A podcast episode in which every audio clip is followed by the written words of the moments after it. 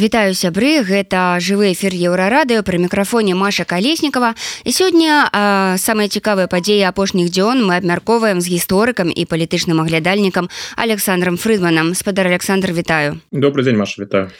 Давайте пачнем з таго што учора адбылася размова телефонная размова лукашэнкі з пуціным. І яны абмяркоўвалі будучы саміт адКб які пройдзе у мінску здаецца 23 лістапада. А на ваш погляд ці варта спадзявацца што мы убачым на гэтым саміце нікола пашыняна? Так і напрыклад спадара такаева які нядаўна адчыніў цэнтр нато у Казахстане.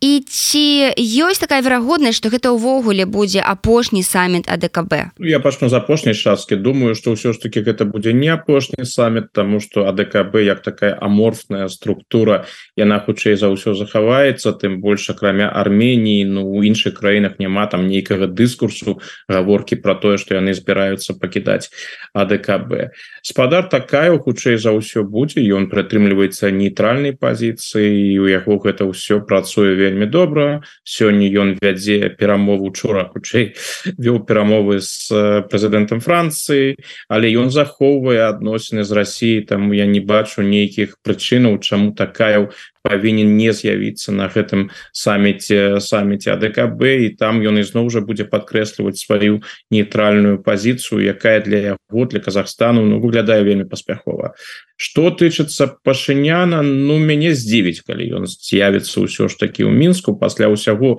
того что адбылося і ўжо такія вельмі дрэнныя сапраўды дрэнныя адносіны яго з Пуціным і яшчэ горшае з лукашэнкам. І на сённяшні момант ну узнікае гэтае пытанне навошта цяпер ужо АДКБ Арменії калі усе мэты з якімі яна заходзіла у ДКБ яны ўсе не спрацавалі.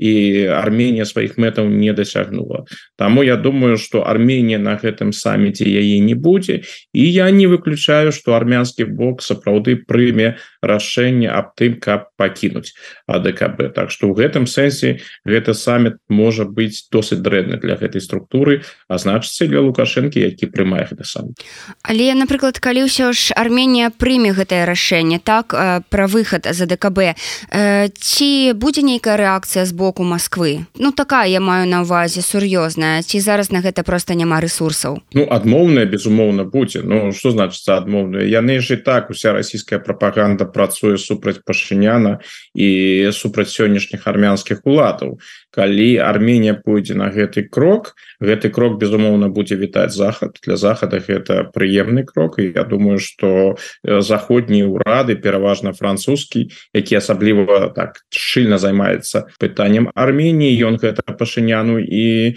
і прапанову то бок крытыка будзе яго будуць абвінавачваць у тым что ён здрадзіў прадаўся і іншае іншае іншае.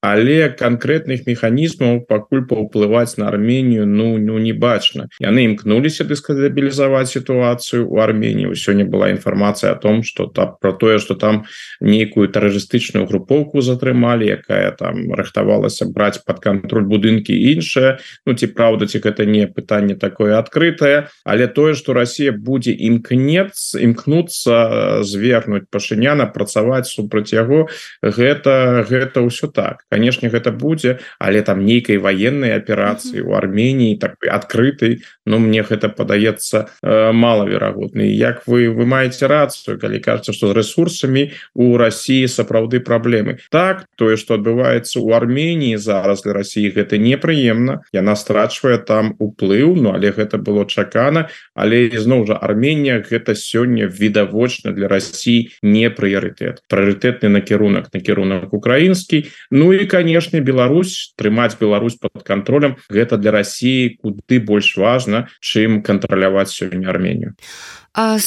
спадар Александр вось выйшла свежае інтэрв'ю з са спадаром валерыем залужным так кіраўніком УСУ дзе ён заявіў што вайна ва ўкраіне зайшла ў тупік што яна можа расцягнуцца на гады і выматаваць выматаць украінскую дзяржаву так. Вось чаму э, яны вырашылі агучыць гэтую інфармацыю? Бо зразумела што э, вось гэтыя ўсе э, там навіны з фронту яны так сабе э, вось гэтыя надзеі на контрнаступ яны таксама не апраўдваюць сябе. Чаму ўсё ж э, яны пачалі пра гэта гаварыць праўду Ну пачнем з таго што ўсё ж таки аналіз валеры залужнага гэта ў прынцыпе слушны аналіз і ён сказаў фактычна тое што ўжо на працягу некалькіх месяцаў сцвярджаюць заходнія эксперты. Так что прынцыпова нічога новага там не было у сэнсе аналізу про гэта ўжо пісалі ў розных у розных крыніцах канешне зусім новое гэта тое ж гэта асоба чалавека які гэта пацвердзіў які мае вельмі добрую рэпутацыю у самой Украіне і з'яўляецца ну фактычна сімвалам украінскага супраціву расійскай расійскай агрэсіі. То бок думаю что мэта залужнага паколькі ўсё ж таки гэта заходнее выданне уплывовае выданне і галоўная публіка яна на захадзе. Трэба патлумачыць чаму адбылося тое что адбылося чаму надзеі асабліва заходні Ну дарэч канешне украінскія надзеі таксама не спраўдзіліся чаму контрнаступ пайшоў не так як гэтага чакалі Чаму заходняя тэхніка якую там тыя ж нямецкія танки Чаму яны не адыгралі вырашальнай ролі. Гэта ён тлумачыць і досыць упэўнена тлумачыць але адначасова і гэта мне падаецца вельмі важны момант у гэтым у гэтым артыкуле ён таксама показвае шляхі якім павінен ісці захад. Ён фактычна показвае что павінна атрымаць дзе Украіны праблемы і что Украіна павінна атрымаць каб гэтыя праблемы вырашыць. Ён фактычна тлумачыць захаду вы павінны вызначыцца калі вы жадаеце каб у Украіны быў поспех каб Украіна перамагла падтрымка военная падтрымка Украіны павінна выйсці на прынцыпова новы ўзровень і там ён тлумачыць у якім тэхнічным накірунке хоць і самалёты і іншыя гэтыя аспекты тое что у экспертным супольніцтве ты людзі якія з'яўляюцца военными экспертамі яны гэта і так дакладна разумеюць что Украіне патрэбна тут ужо пытанне заходніх урадаў яны павінны вызначыцца калі яны жадаюць украінскай перамогы яны павінны даць гэта ў краіне інакш усё будзе разгортвацца так як яно разгортвалася ў гэтым 23 годзе то бок значных военных поспехаў не было не ў Росіі не было в Украіне Ну цяжка лічыць напрыклад тое что расіяне захапілі бахмут і колькі там было ну, мінімум 25 тысяч чалавек згодна заходнім крыніцам там пагі загінулі з расійскага боку. Напэўна значна больш чым гэтые 25 тысяч. А выніку фактычна акрамя гэтага города і там змаганне за яго яно фактычна працягваецца іх няма. Украінцы таксама ну поспехи яны сапраўды досыць абмежаваныя. То что мы бачылі бачылі э, за апошні час нейкага выхаду там да Крыму і іншага нават вызвалення больш-менш крупнага города кшталту так мака гэтага не не адбылося.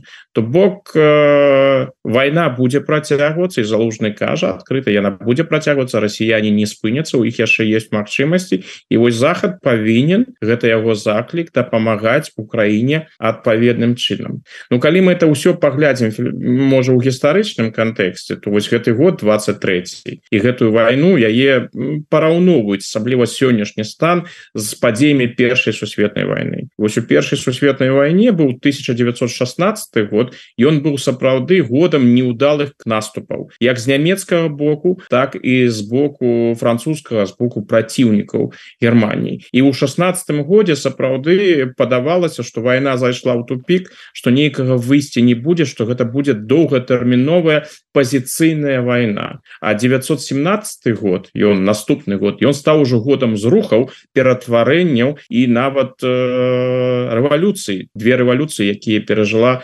расійская расійская імперыя. Так что Мачыма гэтыя параўнанні калі яны увогуле яны конечно абмежаваны усе гістарычныя пераўнанні абмежаваны но ўсё ж таки хто яго ведае. Мачыма 2024 год стане для Росіі нечым кшталту 1917 году. А гэта значыць вайна пойдзе ў зусім іншым накірунку. Ну каб гэта было тут павінна дапамога з заходняга боку і зусім на іншым узроўні. Калі напрыклад узяць вось гэтыя словы э, італьянскай прэм'ер-міністркі так які які яна сказала вось днямі пранкерам вось гэтым расійскім наконт таго што Італія стамілись стамілася так ад дапамогі Украіны. Э, дык сапраўды вось гэта не толькі тычыцца жыталей Праўда відаць усіх заходніх краін што захад стаміўся ад гэтай вайны. Ці пачуюць яны залужнага ці пойдуць яны насустрач ці дадуць яны тое што трэба ў краіне ці будзе гэта ў іхнім прыярытэце Ну тут же пытанне ў тым як что что гэтая стомленасць прысутнічае но гэта канешне факт. Мы ж павінны разумець что означае гэтая стомленасць. Стомленасць Ну як яе ўспрымаюць лукашенко і Путін гэта хутчэй іх надзея что захад стаміўся настолькі что ён хоча вырашыць гэтыя пытанні ну любым чынам і готовы здаць Украіну. Вось гэта вось гэта то як разумеюць заходнюю стомленасць э, у, у, у Крымлі і як это разумее лукашенко. Я все ж таки думаю что у Італіі і асабліва ў іншых еўрапейскіх сталіцах бо дапамога з боку Італіі яна была военная дапамога але Італія не належыць ліку краін якія вельмі моцна дапамагаюць Украіне у астатніх гэтая стомленасць прысутнічае але нават мелоні подкрэслівала стомленасць стаюць але вайна будзе працягвацца Ну ж відавочна Росія не супакоіцца Росія не задаволіць вось сённяшні статус-кво. Яны жадаюць куды куды больш А нават калі будзе нейкая там тактычная пауза то потым вайна ўсё роўна працягнецца стратэгічныя мэты Росіі яны відавочныя паставіць под контроль усю Украіну і Мачыма не толькі Украіну у такой сітуацыі у захада як у 2022 годзе застаецца две магчымасці альбо пагадзіцца з гэтым і фактычна пас фактычна дапусціць гэтую капітуляцыю Украіну капітуляцыю Украіны не будзе Украіна будзе змагацца да да апошняга гэта відавочна але кінуць Украіну і фактычна пазбавіць яе дапамогі. І тым самым узяць на сябе адказнасць за тое што адбудзецца з Украінай. Гэта першае. Другое гэта дапамагаць усім чым магчыма. Гэтага прынцыповага рашэння да апошняга часу не было. Дапамагалі дапамагаюць і будуць дапамагаць але гэтай дапамогі хапіла каб Украіна выстаяла каб Украіна змагалася каб Украіны былі поспехи але яе відавочна не хапае для того каб Украіна перамагла. У сённяшні заклік залужнага гэта заклік вызначайцеся вы павінны для сябе вызначыцца якія у вас насамрэч мэты у гэтай вайне. І для еўрапейцаў і для амерыканцаў дарэчы прымаць такія прынцыповыя рашэнні досыць досыць цяжка. Але вайна складваецца таким чынам что хутчэй за ўсё у наступным годзе такое рашэнне прыняць прыйдзецца бо нейкі кампраміс з Росіі кампраміс на які можа прызнаць Украіна на які можа пагадзіцца Украіна і які можа пагадзіць на які можа пагадзіцца Росія такого кампрамісу Ну няма Ну ён не бачны а значыцца вайна будзе працягвацца і тут захад павінен вызначыцца сябры нагадаю Александр Фридман гісторык палітычны аглядальнік гость нашага жывога эфіру. Задавайце пытанні. Тут акурат ёсць і пытанне і я хацелася таксама запытацца. На ваш погляд вось гаспадар арестович заявіў пра свае прэзідэнцкія амбіцыі так і таксама там агучыў здаецца нейкі план дзеянняў. Мы готовы да варыянту кісенджера так патрабуем уступлення ў нато абавязальніцтвам не дваёваць акупаваныя на моват уступлення тэрыторыі дамагацца іх вярта не толькі палітычным шляхам.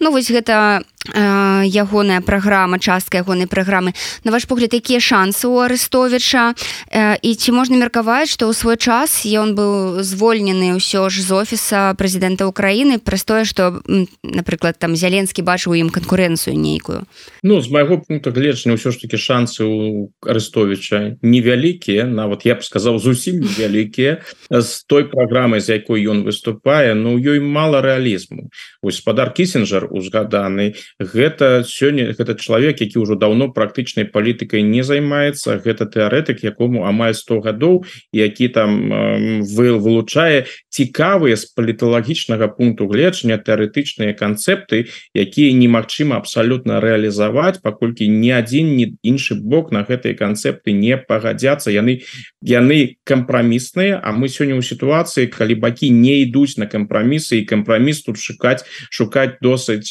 досыць досыць марна. З гэтай рыторыкай арестович арыентуецца таксама на людзей якія стаміліся ад войны якіх таксама і в Украіне зразумела хапае. Да войны можна праз свае прызвычаіцца калі ты знаходзішся ў таких абставінах. Але пагадзіцца з тым что вось война гэта твоя доўгатэрміновая рэчаіснасць на гэта людзі ну амаль ніхто не готовы на гэта пагадзіцца. І вось арестович гэта той чалавек які нібыта ён такое выйсце прапановвае бо выйсце якое на якім стаять сённяшнія украінскія улады мы змагаемся змагаемся і змагаемся іншай магчымасці няма. Ну вось арестович імкнецца нейкіе кампрамісныя варыянты прасоўваць і ён арыентуецца на рускамоўную аўдыторыю ён арыентуецца на тых людзей які ў мінулым напрыклад до 13 14 -го года падтрымлівалі партыю рэгіёнаў. Пасля гэтага арыентаваліся на партыю медведчука гэтыя людзі яны по-ранейшаму ва ўкраіне засталіся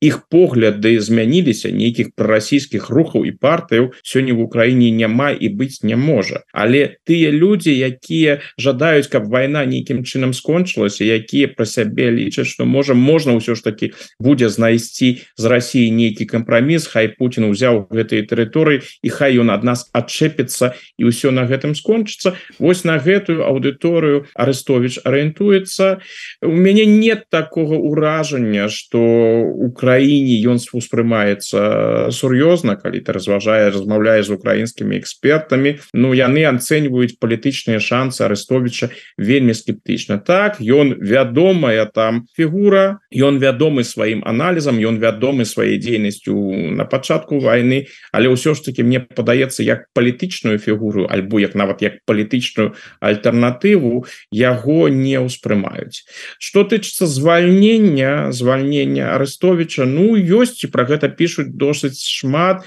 что зяленскі вельмі так асцярожна ставіцца для тых людзей якія набіраюць палітычную вагу за якімі сочаць якімі цікавяцца. Але не падаецца что арестович для яго там нейкая сур'ёзная пагроза. Калі у зяленскага на дадзены момант як мне падаецца в Украіне увогуле ёсць конкуренцыя альбо пагроза для яго то гэта толькі той чалавек про якога мы с вами ўжо размаўлялі гэта генерал залужны. Вось калі мы сябе уявім что генерал залужны сыдзе ў апозіцыю альбо пазбавіцца сваёй пасады Ну вось тады гэта і і у яго будуць нейкія палітычныя амбіцыі то вы гэта будзе сапраўды вельмі моцная фігура. І я думаю что калі хто ў стане зараз перамагчы зяленскага на свабодных дэмакратычных выборах то гэта не арестович калі увогуле так это генерал залужны.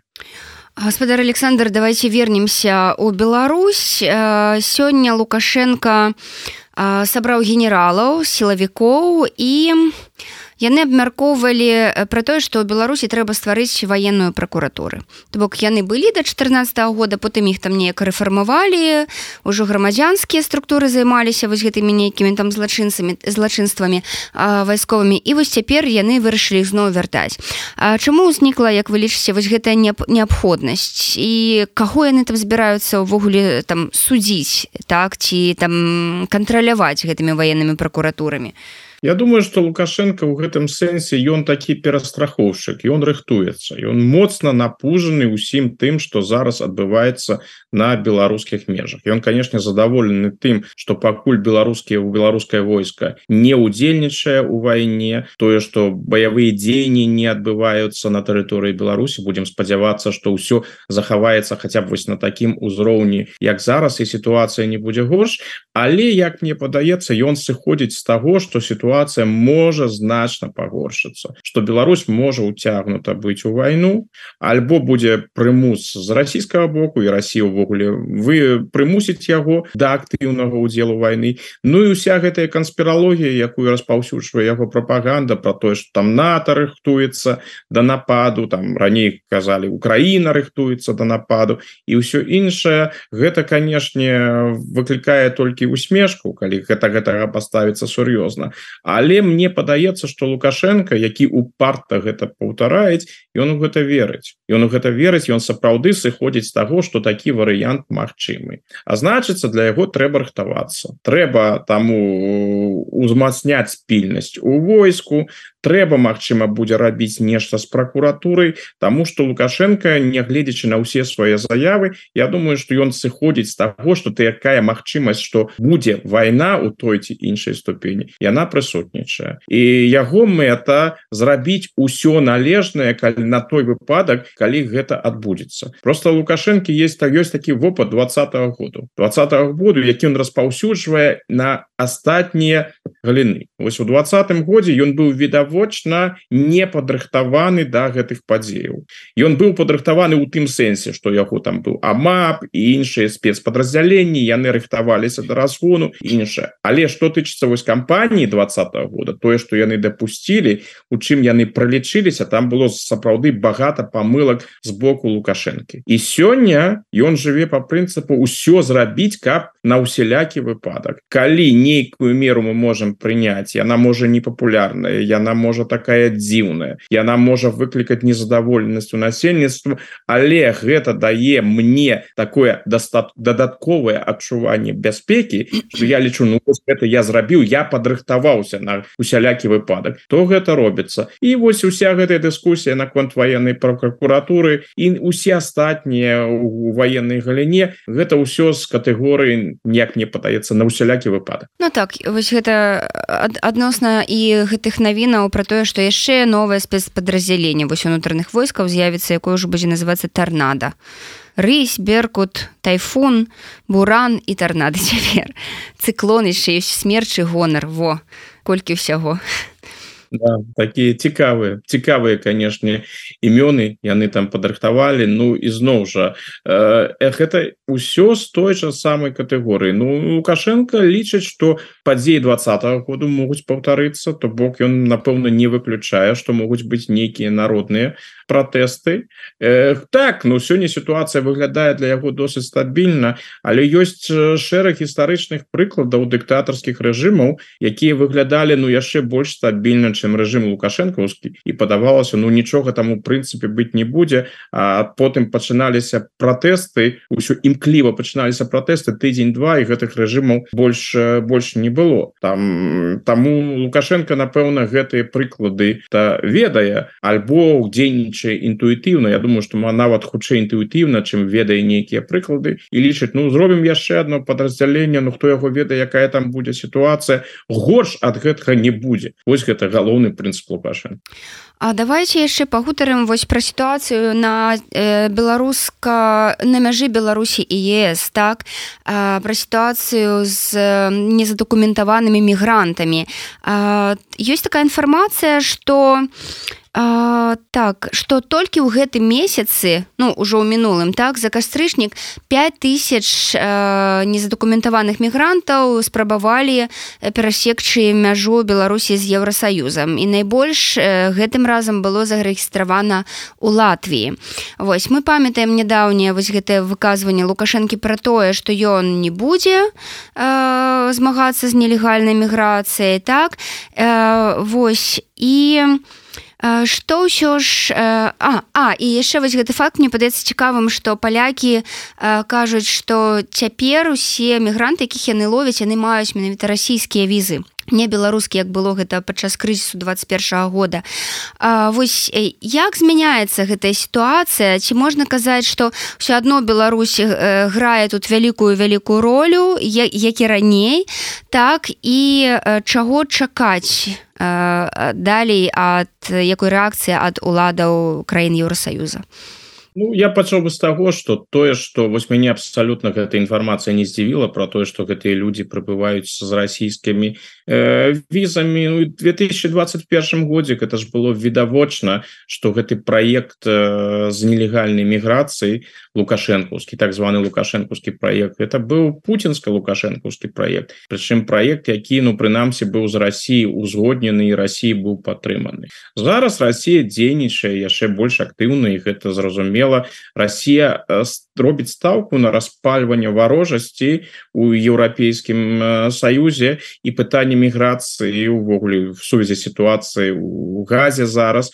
і з выступленнями людзей якія солідарызуюцца з Палестынай гэта вельмі такое балючае зараз пытанне у еўрапейскім саюзе значная колькасць людзей повысілася значна повысілася колькасць людзей у таких краінах як Францыя Германія які увогуле выступаюць супраць прыёму нейкіх мігрантаў альбо уцікачоў Таму калі рабіць дэстабілізацыю гэтым накірунку то ты можаш паўплываць на настрой у грамадстве яшчэ больш распаліваць граварожасць у еўразвязе. Так что і Россия у гэтым зацікаўлена Ну і для лукашэнкі чаму не? Что тычыцца Латвіі то таксама гэта зразумела. Я думаю что сярод э, краінаў сярод усіх гэтых краінаў якія мяжуюць Беларусю да Латвію яго стаўленне асабліва негатыўнае паколькі там былі розныя акцыі вядомыя з боку расійскіх палітык прабач з боку латвійскіх палітыкаў гэтай гісторыя са сцягам у 2021 годзе калі фактычна э, латвійскі амбасадар вымушаны быў пакінуць Беларусь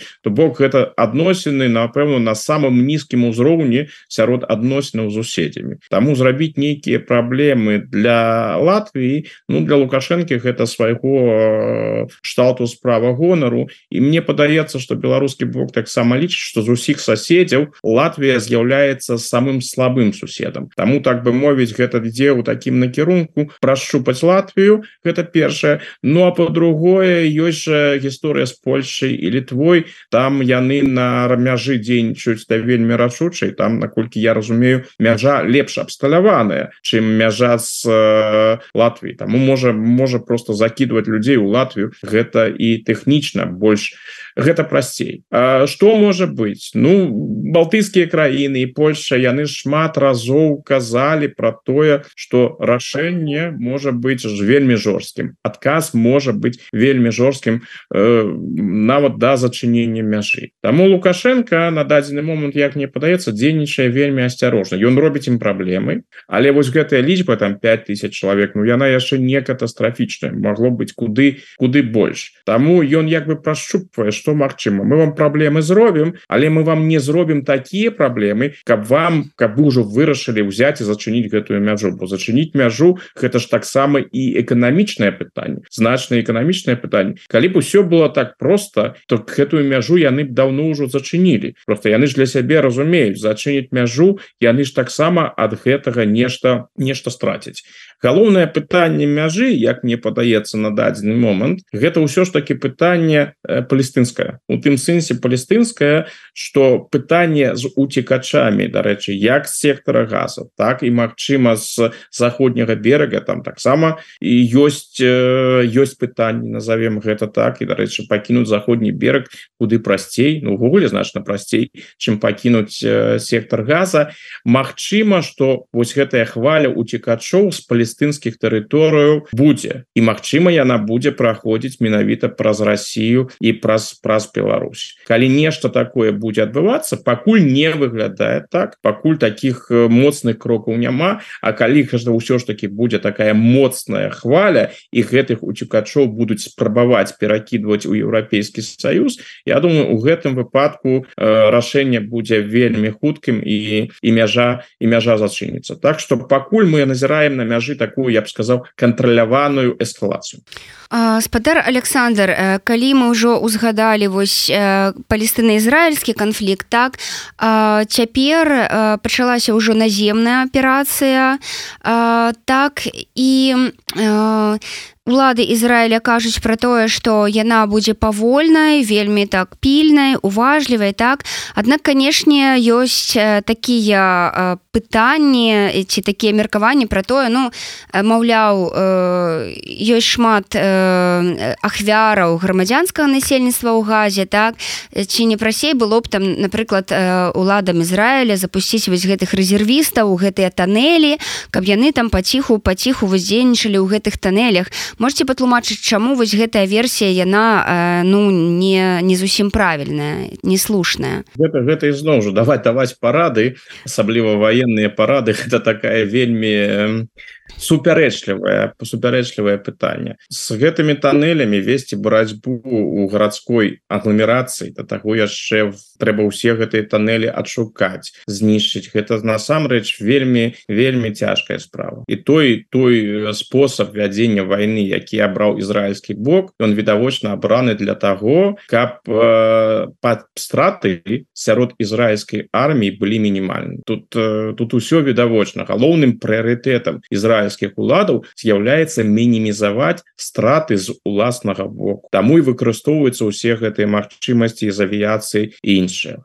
что тычыцца стратаў з боку грамадзянскага насельніцтва сектора газа конечно яны вялікія. Яны будуць яшчэ больш узрастаць. Тут не павінна быць нейкіх ілюзіяў паколькі тое як Ізраиль вядзе гэтую аперацыю ён будзе працягваць вясці яе і далей. Зразумела Ізраиль сам таксама не зацікаўлены у вялікіх вельмі вялікіх стратах сярод палестынцаў хаця б з прапагандысцкага пункту гледжання. Бо калі страты будуць велізарнымі і лічбы будуць велізарнымі. І гэта пабачыць увесь свет но гэта не на карысць дзяржаве Ізраиль яна і так асабліва папулярнасцю і і падтрымкай не карыстаецца. А калі гэтая прапаганда будзе ісці далей не толькі прапаганда але насамрэч гэты рэчы будуць адбывацца што тычыцца прапаганды ну хамас там робіць усё каб каб грамадства і ў Еўропе на захадзе ў арабскім свеце перацягнуць перацягнуць на свой бок. Ну конечно есть ахвяры это тут няма пра што казаць яны вялікія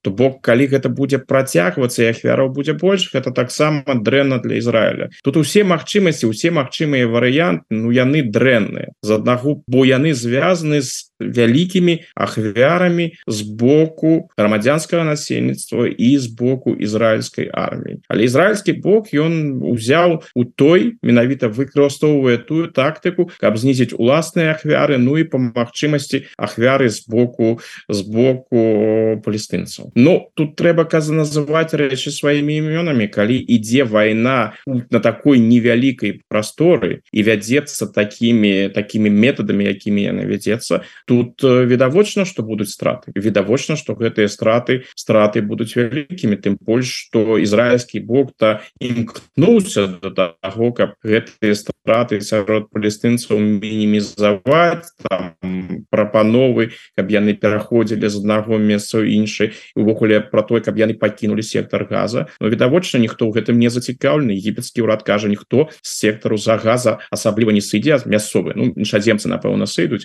у выніку мясцовыя там застануцца Таму гэтыя страты яны будуць усё больш больш і больш. Так что я э, яшчэ раз хочу подкрэсліць Ізраиль не абірае такую тактыку каб максімізировать страты сярод палестынцаў гэта не з'яўляецца мэтай Ізраіля але калі праводзіцца вайсковая аперацыя у таких умовах с такими методами Ну страты яны жахлівыя і любая ахвяра гэта жахлівых это чалавечае чалавечае жыццё але іншага іншай магчымасці на дадзены момант у Ізраіля просто няма. Іншая магчымасць ёсць. Гэта адмовіцца ад гэтай военной аперацыі пакінуць усё так як ёсць. Но гэта для Ізраіля не з'яўляецца варыянтам бо кіраўніцтва хамаса ўжо сказала что яны лічаць падзеі сёмага кастрычніка сваім поспехам і будуць по магчымасці імкнуцца гэтые падзеі сёмага кастрычніка паўтарыць. Таму у Ізраіля застаецца толькі одно працягваць гэтую аперацыю.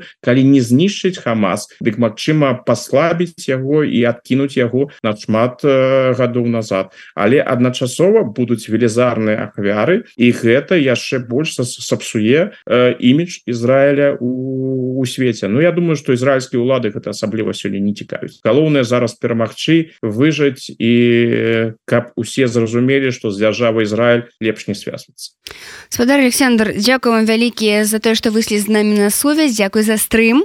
Я нагадаю сябры что гісторыкі палітычны аглядальнік Александр Фрыдмам э, сённяшні наш гость заўтра а 14 мы будем размаўляць з блогерамі палітыкам Александром кныровичам Так что заставайцеся з еўра радыё ставце лайки гэтаму відэо тому что YouTube гэта любіць. І добрага вам дня спадар Александр. Шчасліва всего добрага